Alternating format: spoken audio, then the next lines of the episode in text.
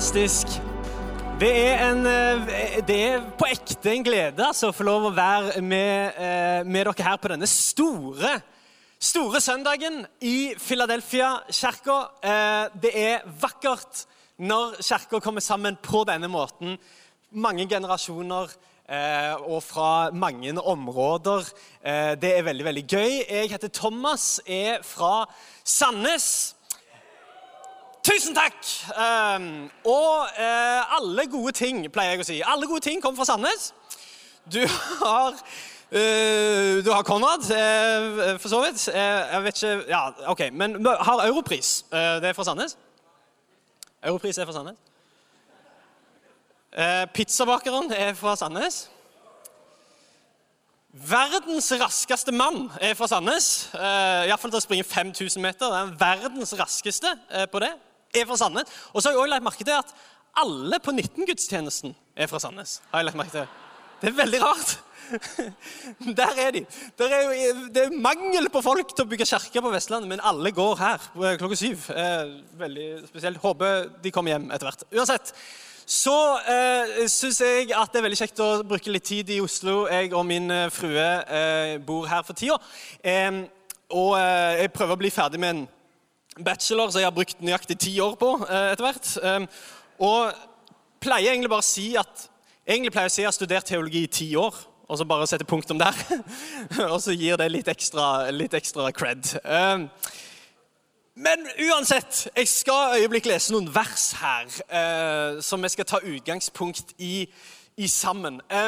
Jeg må bare berømme denne menigheten for det konstante fokuset på eh, at det er, noen, det er, noen, praksiser, det er noen ting som står fast. Det er noen ting som eh, gjør at vi forblir de som man er kalt til å være. Eh, og jeg vet ikke om du har hørt om disse kjernepraksisene som man ofte refererer til. At man, at man leser Bibelen vår, at man ber, at man eh, går på gudstjeneste, at man har et småfellesskap, at man lever tjenende liv. Disse praksisene eh, er jo til for å hjelpe oss i tilbedelsen vår. For casen er det at man blir jo det som man gjør. sant? Eh, og kanskje enda mer nøyaktig man blir det man tilber. Eh, faktisk så, Bare for å slå fast dette poenget, så er det, et, er det et vers ifra, noen vers fra Salme 135, der salmisten altså sier at folkenes gudebilder er av sølv og gull. Menneskehender har lagd dem. De har munn, men kan ikke tale. De har øyne, men kan ikke se. De har ører, men kan ikke høre. Det er ikke pust i deres munn. Og så står det ganske brutalt Slik blir også de som lager dem. Og alle som setter sin lit til dem. Det er jo det som er så eh, tragisk med tilbedelse. At hvis, du, hvis, hvis tilbedelsen har feil retning, så kan det være du ender opp uten munn, og uten syn og uten ører. Og Det er jo det som òg er så fantastisk med å, å, å, tilbe Jesus Kristus. Det er at du får synet igjen. Det er at du begynner å se ting du ikke har sett før.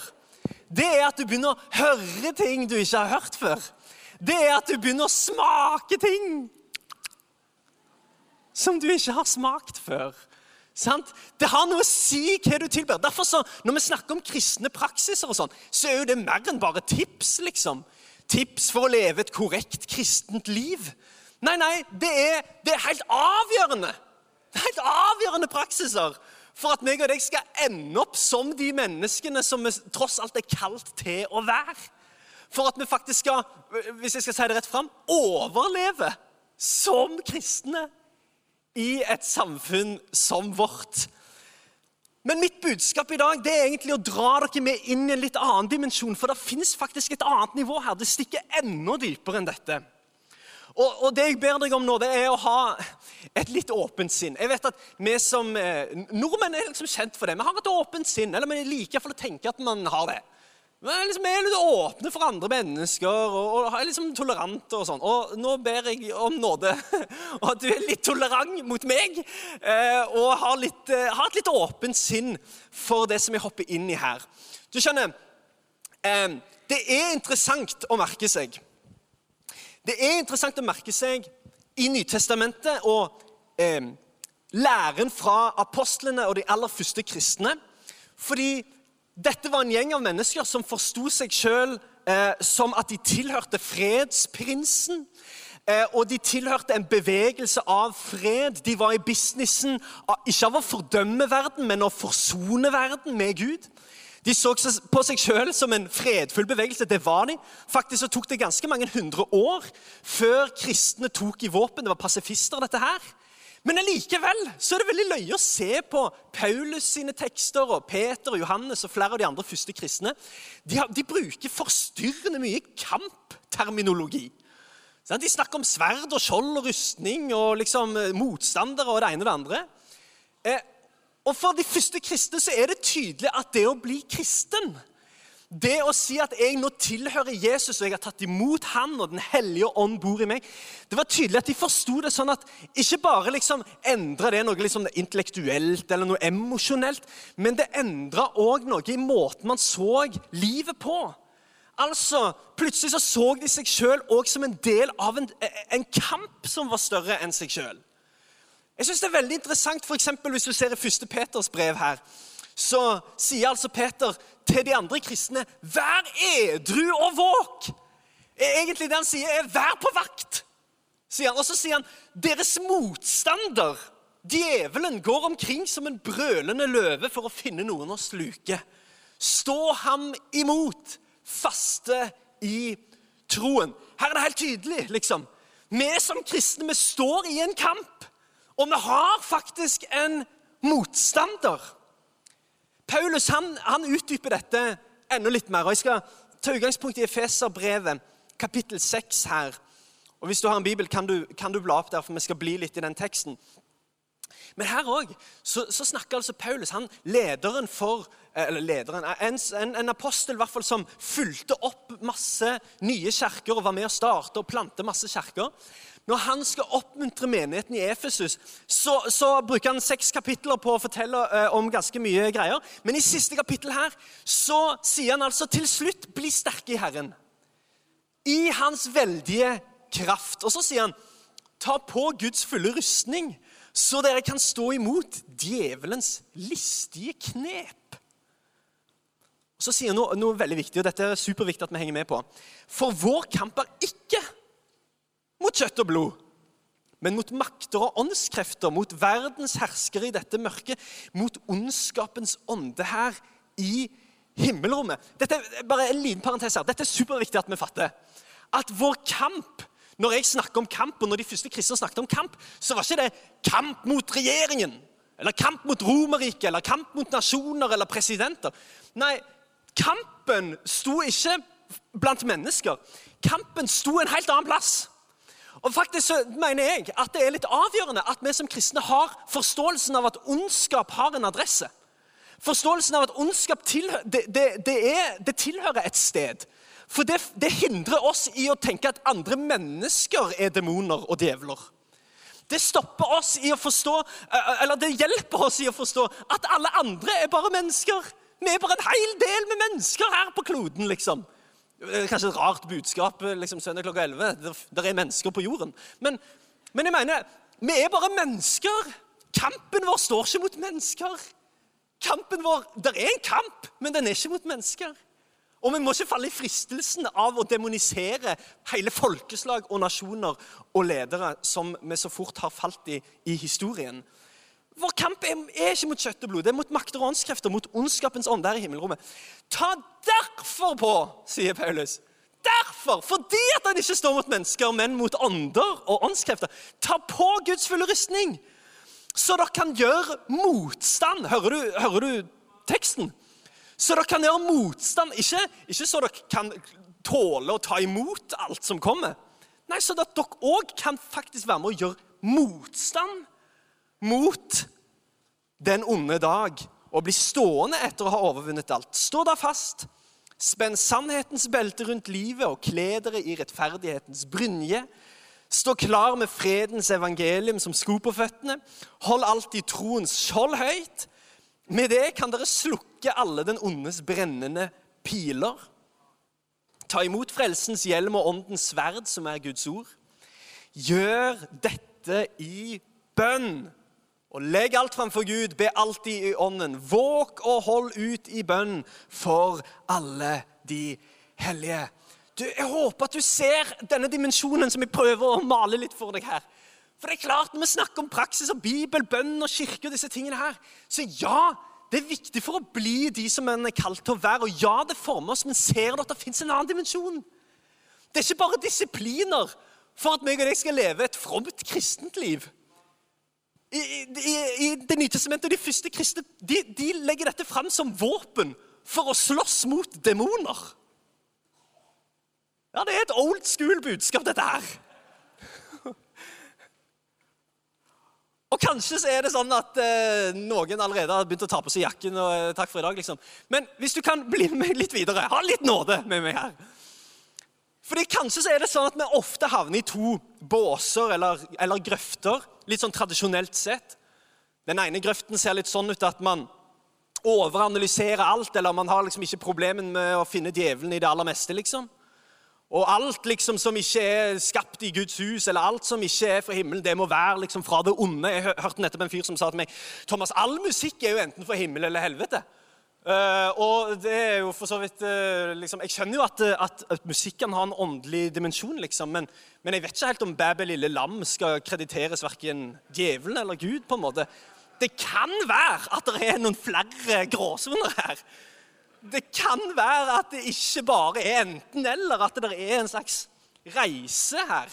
Og så fins det jo en, en, en, annen bås eller en annen grøft der man, der man litt sånn kanskje litt sånn naivt, og kanskje har jeg befunnet meg sjøl i den noen ganger, at, at, liksom, nei, det er, jo ikke, det er ingenting som er farlig, og ingenting som er feil. og på en måte, Man går litt sånn, øh, tenker litt sånn Ja, vi lever jo i et fantastisk, rasjonelt, flott, vestlig samfunn, velfungerende samfunn. Det er jo ikke sånn at man liksom blir lurt av, av noen onde krefter. og Det er ingenting som egentlig kan få oss av pinnen, for vi har jo et så fantastisk flott samfunn. Jeg er vokst opp på bedehuset, så for meg, jeg var liksom sånn, jeg hadde verken hørt om djevelen eller Den hellige ånd før jeg var 15 år. liksom, sant? Og på en måte Det var veldig ukomplisert, og det gikk veldig greit. Karoline, eh, min kone, hadde deler av oppveksten sin i, uh, i Amerika. Uh, og gikk i liksom en Pentecostal church i Texas, Tennessee. Uh, og på en måte Nei, jeg vet ikke, jeg. en eller annen plass. Og så Jeg har ikke vært i USA. I hvert fall. Så var hun der. Og så uh, kom de hjem, og de flytta altså fra USA til Nord-Norge! Kan du tenke deg? De kunne liksom flytte til månen. sant? Det er jo helt gudsforlatt. Og til Nord-Norge der, liksom! Sant? Og de, seks, eh, de var, hadde seks søsken, og, og, de var liksom de rareste av de rare. Og det var klart, det er jo kjempeweird når da Karoline blir kalt inn på rektors kontor fordi hun hadde gjort noe hun ikke skulle gjøre mot en medelev, og det ble litt dårlig stemning, og rektor spør hvorfor gjorde du det, Karoline? Og Karoline svarer det var djevelen som sa jeg skulle gjøre det. Skjønner du? Det er litt rart. Det kan bli litt mye, sant? Eh, og nå er det ikke sikkert liksom, at vi står i faresonen på å liksom, bli så intense, men kanskje er det sånn at pendelen har svingt litt mye den andre veien, og at man heller kjenner oss igjen i, i, i, dette sitatet fra en film som heter Usual Suspects, der den ene karakteren forklarer at det største trikset djevelen noen gang har gjort, er å overbevise verden om at den ikke fins. Fordi det kan jo være at vi blir litt ekstra utsatt for disse brennende pilene og disse listige knepene hvis man lever i fornektelse av at det fins òg en motstander og en fiende. Ok, La oss, eh, la oss ta et steg, et steg tilbake. Du vet Når Jesus begynner sin gjerning på jorda, så, så gjør han det som rabbi.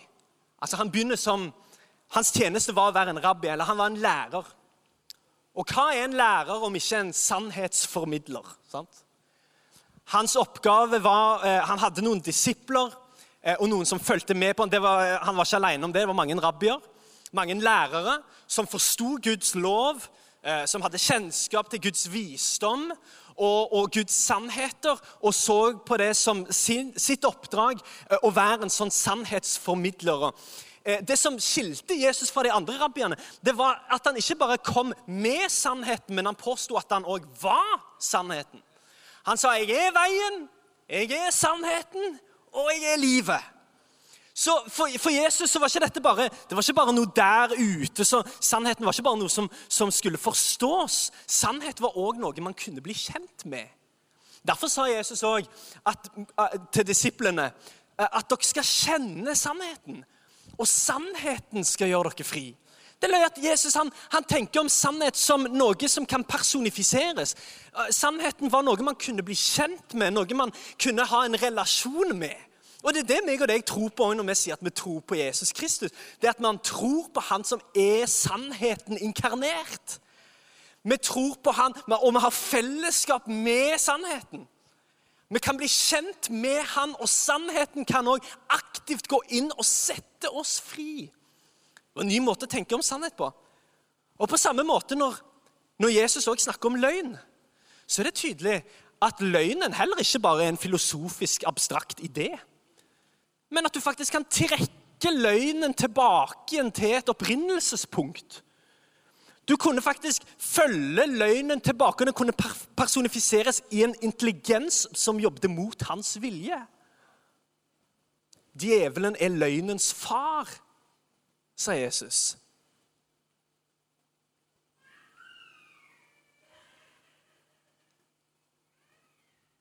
Og Fra tidenes morgen så har hans eneste strategi vært å så tvil og spre løgn. hovedsakelig om tre ting. Løgn om hvem Gud er, løgn om hvem du er, og løgn om hva som er et godt liv. Vi ser det i Edens hage, når den listige slangen kryper seg opp mot Adam og Eva. Og, begynner, og åpningsreplikken er 'Har Gud virkelig sagt?' Er du egentlig sikker på de greiene her? Hvis du spiser det, har, du, har han sagt at du skal dø når du Nei, du skal ikke dø når du spiser det her eplet. Det som er interessant med djevelens løgner, det er at det ofte er, de er sånn oftest 90% sanne. Altså, Han vet hva han holder på med her. Han har bare én strategi. Det, det, er den strategien. Men den er ganske effektiv. Han presenterer løgner som sannheter. Nei, du skal ikke dø. Og det, hun, hun, dør jo ikke etter hun har spist det eplet, men det er noe som dør i hun likevel. Har Gud virkelig sagt? Han presenterer løgner og så tvil om hvem Gud er om hvem, hvem Eva og Adam er. Det kan bli noe mye mer. Gud han har satt begrensninger på livet ditt. Det fins noe større. Du kan bli så mye mer, og du kan være din egen Gud. Og han så tvil om hva som egentlig er et godt liv. Du må befri deg fra dette livet som Gud har gitt deg. Og, og, og komme deg ut, liksom. Let it go! Det er jo nasjonalsangen. Jeg skal ikke dra den lenger, men du skjønner. Befri deg! Han har ikke noen annen strategi i dag, tror jeg. Derfor sier John Mark Comer, som har skrevet en bok som heter 'Live No Lies', som legger dette ut på en veldig veldig bra måte, som jeg absolutt kan anbefale. Han sier at Derfor er kampen mot djevelen først og fremst en kamp for å ta tilbake kontrollen over vårt sinn, som er fanga i løgn, og frigjøre de med sannhetens våpen. Jeg håper at du ser denne dimensjonen. At selvfølgelig, Bønn og Bibel, kirke alle disse kristne praksisene ja, de har en egen verdi i seg sjøl. Men forstår du òg at det er verktøy? Det er faktisk verktøy for å stå imot listige knep og brennende piler. For å sette oss fri til å leve det livet som er kalt å leve. Det er interessant at det er sannheten som setter oss fri, tenker jeg. Fordi det betyr at man kan være frelst og fanga samtidig. For man kan være frelst av Guds nåde, men være distrahert av løgner likevel. Det er sannheten som setter oss fri, og han har gitt oss noen verktøy. Jeg skal fokusere på tre av de her, eh, og så skal vi gå mot en, en, avslutning. Jeg håper det går bra. Jeg, liksom, ja, det går fint. Alle har det greit. Du liker den du sitter ved siden av? og sånn? Ja, Hvis ikke kan noen bytte veldig raskt nå mens jeg bare scroller litt her. Så er det ingen som tenker på det. Ok, Det er tre ting. Her kan vi jo nevnt mange ting, men la meg nevne tre. Det er tre eh, verktøy, eller våpen, som kanskje eh, Paulus ville kalt det. Men det er iallfall tre verktøy som, som, i sannhet er verktøy for oss. Nummer én det er bønn. Martin Luther sa 'Hva er tro om det ikke er bønn?' Ja, det, er, det, er, det, er, helt i kjernen av hva det vil si å være troende menneske. Det at jeg lever i relasjon med Han som er sannheten.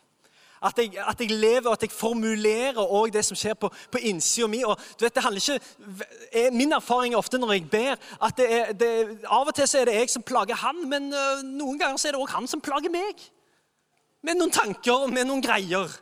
Og med, med å liksom avsløre noen ting i mitt liv og som liksom, hei, begynner å pirke litt i meg. Dette er forskjellen på Den hellige ånd og djevelen. For den djevelen vil pirke i fortida di og si sånn Hei, du er ikke verdt noe. Jeg vet hva du har gjort. Jeg vet hvor du har vært. Jeg vet hva du har sagt. Jeg vet hva du har sett på. Du er ikke verdt noe. Hvem tror du at du er? Hvem, hvorfor tror du at Gud er glad i deg? Tror du... Det, det gjør den djevelen. Men Den hellige ånd han stikker òg i deg. Og så sier han, hei, vi skal denne veien. Er du klar for det, eller? Hei, Det fins et større liv for deg her. Jeg har lyst til å utruste deg. Er du klar? Når skal meg og deg egentlig jobbe med den synden i livet ditt? Når skal meg og deg egentlig jobbe sammen og komme oss videre fra der du er i dag? Når kan du egentlig ta imot den sannheten som er fra himmelen? Legge fra deg den løgnen, sånn at du kan få lov til å leve det livet som du er kalt å leve?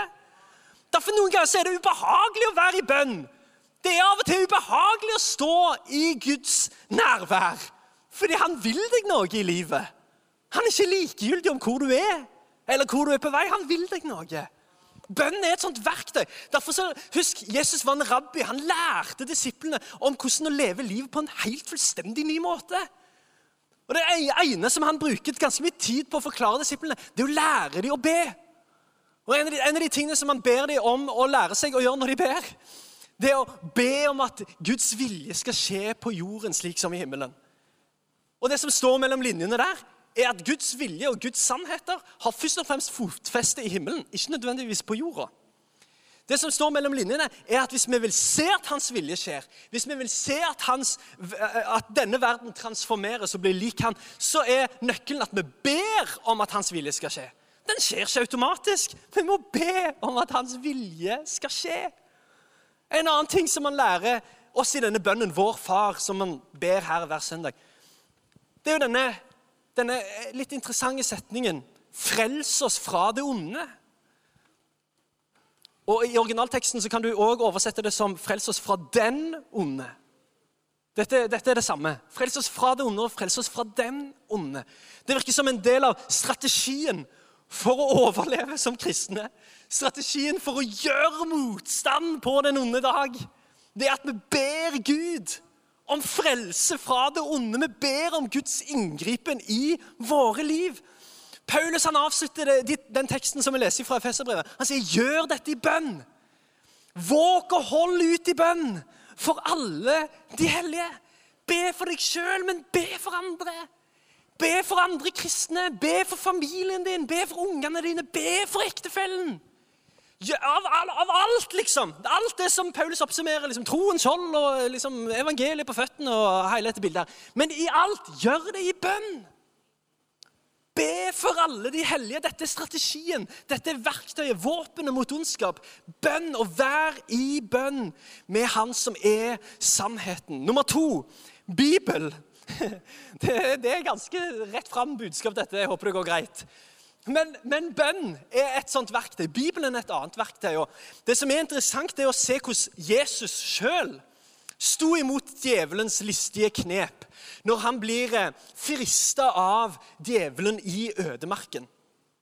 Jeg vet ikke om du ser symbolikken her, men det er noe vakkert med at eh, Jesus møter djevelen i en ødemark. For Adam og Eva møtte han i Edens hage, og som en konsekvens av at de falt for løgnen, Eh, og som en konsekvens av at de eh, gikk imot Guds vilje og Guds sannhet, så havna de i ødemarken.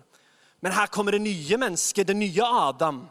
Her kommer Jesus Kristus og møter djevelen i ødemarken for vår skyld. For at vi igjen skulle få lov til å se hagen og få lov til å stå i det som Gud har kalt oss til å stå i. Det som er interessant, da, det er at der det, det er jo lagt opp til tidenes mest liksom, epic battle der i ødemarken. Det onde versus det gode. Og jeg tenker liksom, fordi Hvis du leser den teksten jeg skal ikke gjøre det, men hvis du leser den teksten, så er det, forstyr, det går forstyrrende rolig for seg. Og jeg tenker sånn, Gi meg noen lynnedslag og noen flammer og noe greier, noen drittslenge, i det minste. liksom. Så, men det er ingenting av det. For djevelen kommer ikke mot Jesus med våpen, han kommer mot han med en idé. Og det er mye farligere enn et våpen. Han kommer med en idé. Og Jesus svarer egentlig bare med en bedre idé. En sannhet. Hvor sykt er det ikke at den allmektige trengte ikke engang å bruke allmakten sin der i det øyeblikket for å stå imot alle listige knep og brennende piler. Alt han trengte, var Guds ord. Det er ikke noe mer enn det vi allerede har tilgang på. Det er gode nyheter for oss vanlige, dødelige eh, mennesker. At alt som trengs for å stå imot ondskapen, fins allerede i vårt arsenal. Fins allerede i hendene våre. Jesus han konfronterte med en sannhet når han fikk servert en, en, løgn og fikk servert tvil. Så kom han med en sannhet ifra Guds ord. Greia er at Hvis du kjenner sannheten, så kan du òg gjenkjenne løgnen. Når du kjenner sannheten, så er det lett å avsløre hva som ikke er sant. Klisjeen sier om du ikke står for noe, faller du for alt. Kanskje det er også sant i denne sammenhengen. At Hvis man kjenner sannheten, så er det lett å avsløre hva som ikke er fra Gud. Den tredje tingen her, det er kirka. Um, og jeg er egentlig på vei mot en, mot en avslutning. Men bønnen er et sånt verktøy. Bibelen er et annet. Kirka er òg et sånt verktøy. Det blir så fort at det blir en tradisjon og en vane, og det er bra. Det er fantastisk at kirka er en tradisjon og en vane. For det gjør at når du ikke er inspirert, så er du i hvert fall disiplinert til å være der. Noen, altså det, det, er et budskap til noen. For du trenger ikke være inspirert for å komme i Guds hus. Du trenger bare kanskje litt disiplin i livet ditt til å dukke opp igjen i Guds hus fordi du har sett et større bilde. Men faren er at man, at man reduserer det til en tradisjon eller reduserer det til en vane. Det er så mye mer. Og Den første gangen vi hører om ideen kirke, det er når, når Peter eh, anerkjenner Jesus Kristus som Messias. Som, eh, som, han som hele historien har hinta om, og som alle har venta på. Han bekjenner Jesus. Du er Messias, du er den salvede, du er sendt av Gud, du er den levende Guds sønn. Og Jesus han tar ballen og så sier han, du er Peter, du er en klippe. Og på deg så vil jeg bygge min forsamling, min menighet, min eklesia. På deg så vil jeg bygge den første kirka. Og så følger han opp med en, en sinnssyk setning. Og helvetes porter skal ikke ha makt over den. Når Jesus ser kirka Han ser noe mye mer enn en tradisjon. Han ser noe mye mer enn en disiplin. Han ser en ambassade av Guds kraft, av Guds godhet av Guds kjærlighet, av Guds nåde, så full av kraft at helvetes krefter ikke har sjans. Skjønner du, han, han, så ikke bare et kulturtilbud på søndager. Ja, det, det er bra for menneskeheten. De trenger noe å gjøre. Nei! Han så en ambassade for himmelen på jorda. Guds folk som, som reorganiserte hele livene sine. Og som begynte å leve på en helt annen måte, der Jesus er i sentrum av det fellesskapet. Der, der tilbedelsen har en retning. Der Guds ånd og vilje gjennomsyrer fellesskapet. Hør, Når slangen fikk Eva isolert Når slangen fikk Eva tatt ham vekk fra Adam, vekk fra fellesskapet, vekk fra Gud. Når han bare fikk henne isolert, så kunne han selvfølgelig servere ufiltrerte løgner. Men hør, et menneske som står planta i et fellesskap Wow! Et menneske som står forplikta til et annet menneske, og ikke bare et annet menneske, men et fellesskap av mennesker over hele jorden. Vet du hva? Et sånt menneske er omringa av Guds sannhet. Et sånt menneske er omringa av Guds kjærlighet. Er omringa av Han som er hodet for kroppen. Du skjønner, Kirka er ikke en organisasjon. Kirka er en organisme som beveger seg i takt med sin frelser, med sin herre. Han er hodet, vi er kroppen. Vi tilhører hverandre fordi vi tilhører Han. Og vi beveger oss sammen i sannhet. Det er det kirka er. Det er fellesskap i Jesus Kristus, gjennom Jesus Kristus. Han som er veien, sannheten og livet. Tvilen den har elendige vekstvilkår i Guds hus. Tvil Bare kast inn det. Tvil er som en eh, klengete, hjemløs katt. Sant? Den er koselig, den. Men hvis du begynner å gi den mat, det er det dummeste du kan gjøre. For da henter han jo alle sine hjemløse venner og har fest i huset ditt. Liksom. Hver morgen så skal de der for å hente mer mat. Men Tvil er ikke farlig i seg sjøl. Men det som kan være utslagsgivende, er hvis du begynner å mate tvilen Hver dag så har vi ansvaret for om vi skal mate tvilen eller troen vår. Skal jeg mate tvilen min i dag, eller skal jeg mate troen min i dag? Skal jeg oppsøke eh, løgnen eller sannheten? Skal jeg velge å tro på det alle andre sier, alle alternative fakta, alle falske nyheter? Skal jeg velge å bare liksom influeres av det resten av verden prøver å gi meg? Eller skal jeg gå til Guds ord? Eller skal jeg dukke opp i Guds hus? Eller skal jeg ringe en kristen venn? Eller skal jeg sette meg ned på kne og be en bønn? Du står hver dag overfor valget av å mate tvilen eller troen din. Jeg håper ikke du sitter her med frykt nå liksom, og å, hjelp, nå vet jeg ikke om jeg tør å leve dette livet hvis løgn liksom omringer meg. Du kan vite en ting. Vi kjemper en vonde kamp. Vi kjemper en kamp som allerede er vunnet, mot en fiende som allerede har falt. Greia er at fienden kan forvirre deg, distrahere deg, men han kan ikke skade deg. Han kan ikke skade deg fordi du tilhører Jesus Kristus. Du er untouchable. Fordi du tilhører Han, og det som Han har gjort for deg, er det som definerer hvem du er. Du tilhører seierherren Jesus Kristus. Han som er i oss, er større enn han som er i verden, står det. Den kraften som bor i deg, er uendelig mye større enn den kraften som måtte omringes i himmelrommet, liksom. Den åndeherren som vi ser. Han som er i deg, er større enn han som er i verden. Derfor har vi ingenting å frykte. Kampen er vunnet, fienden er falt. Og vi står sammen med seierherren, og vi går himmelen i møte. Alright, Jeg har lyst til å avslutte her, men jeg har lyst til å si noe til deg som kanskje er her og syns dette var litt voldsomt. og du ble lurt med av en venn som sa det er kjempefint i Philadelphia. Og, og, uh, og så kommer han der fra Rogaland. Så det går helt bra. Uh, du er velkommen. Uh, jeg er ikke på hver søndag. men, men, men, jeg har lyst til å si noe til deg. fordi Kanskje så er du her og liksom ble liksom lurt med, og du vet ikke helt, og du er litt nysgjerrig på troen. og, og sånn, og Det er fantastisk eh, at du er her og du har kommet til riktig plass. og Jeg har bare lyst til å si til deg at uh, det som er sentrum av den kristne troen, er Jesus Kristus. Og Jesus, når han kom, så sa han tre ord. 'Kom, følg meg'. Ganske korte, få ord, men de inneholder så mye. 'Kom'. Det er så deilig. Han sa ikke 'skjerp deg og følg meg', eller 'ordne opp og følg meg', eller Tenk alle riktige tanker, gjør alle de riktige tingene, og så stiller jeg på den X-en der og syng, og så skal vi se om du passer inn i gjengen. Han sa ingenting. Han sa bare 'kom'. Og akkurat som i det så ligger det noe mer eh, liksom bak det. Akkurat som han sier jeg, jeg, jeg, vet hvem du er. Jeg vet hvor du har vært. Det er ikke det som betyr noe. Det betyr noe at du er her, og at du blir med meg fra nå av. Kom. Følg meg. Kom er enkelt. Alle kan komme til Jesus. Følg, sa han som nummer to. Det er mye vanskeligere på en måte. For Jesus mente det ikke som, sånn som vi mener det når vi sier bare 'følg meg'. Da mener jo jeg 'følg med på meg'. Men Jesus sa ikke 'kom, følg med nå'. Følg med på meg mens jeg gjør mirakler. Det var ikke det, var ikke det han, han mente. ikke 'følg med på meg'. Han mente det faktisk bokstavelig 'følg etter meg'. Gjør det som jeg gjør. Lev annerledes. Endre sinnet ditt, endre tankene dine. Bli med på det som jeg gjør. Følg etter meg.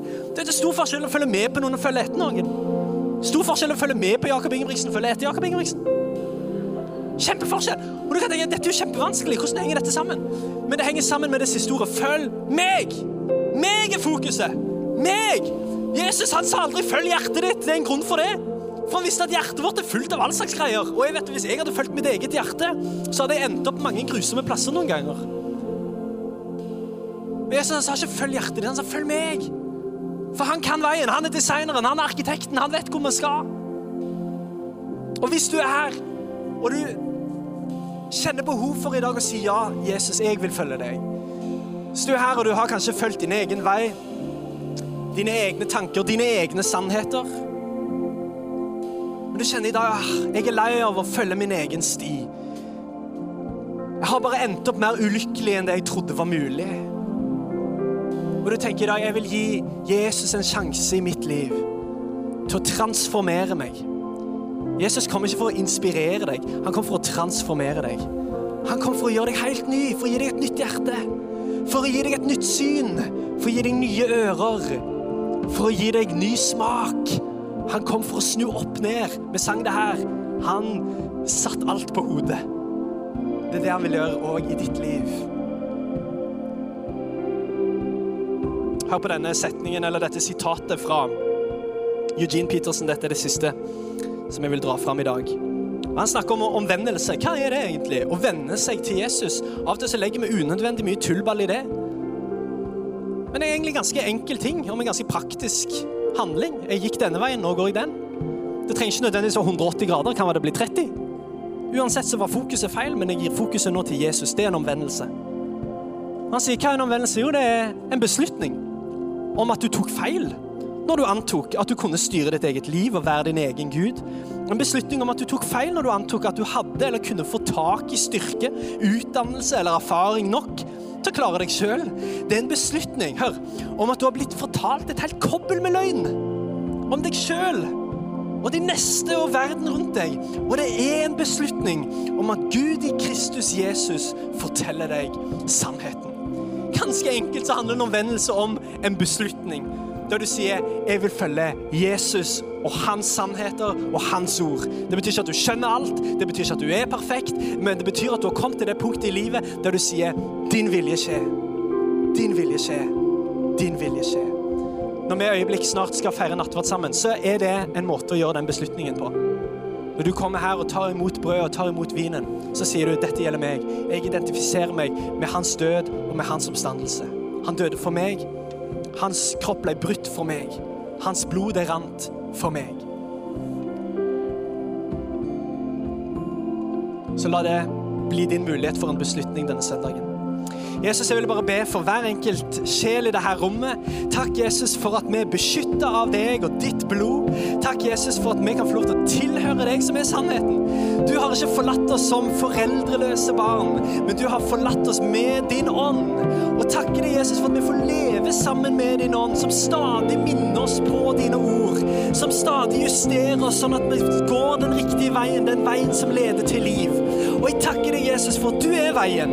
Takker deg, Jesus, for at du er sannheten. Og takker deg, Jesus, for at du er livet. Og Herre, jeg ber for hver enkelt en som er i dette rommet i dag, la de få lov å erfare, Jesus, at når de tilber deg, så begynner de å ligne på deg.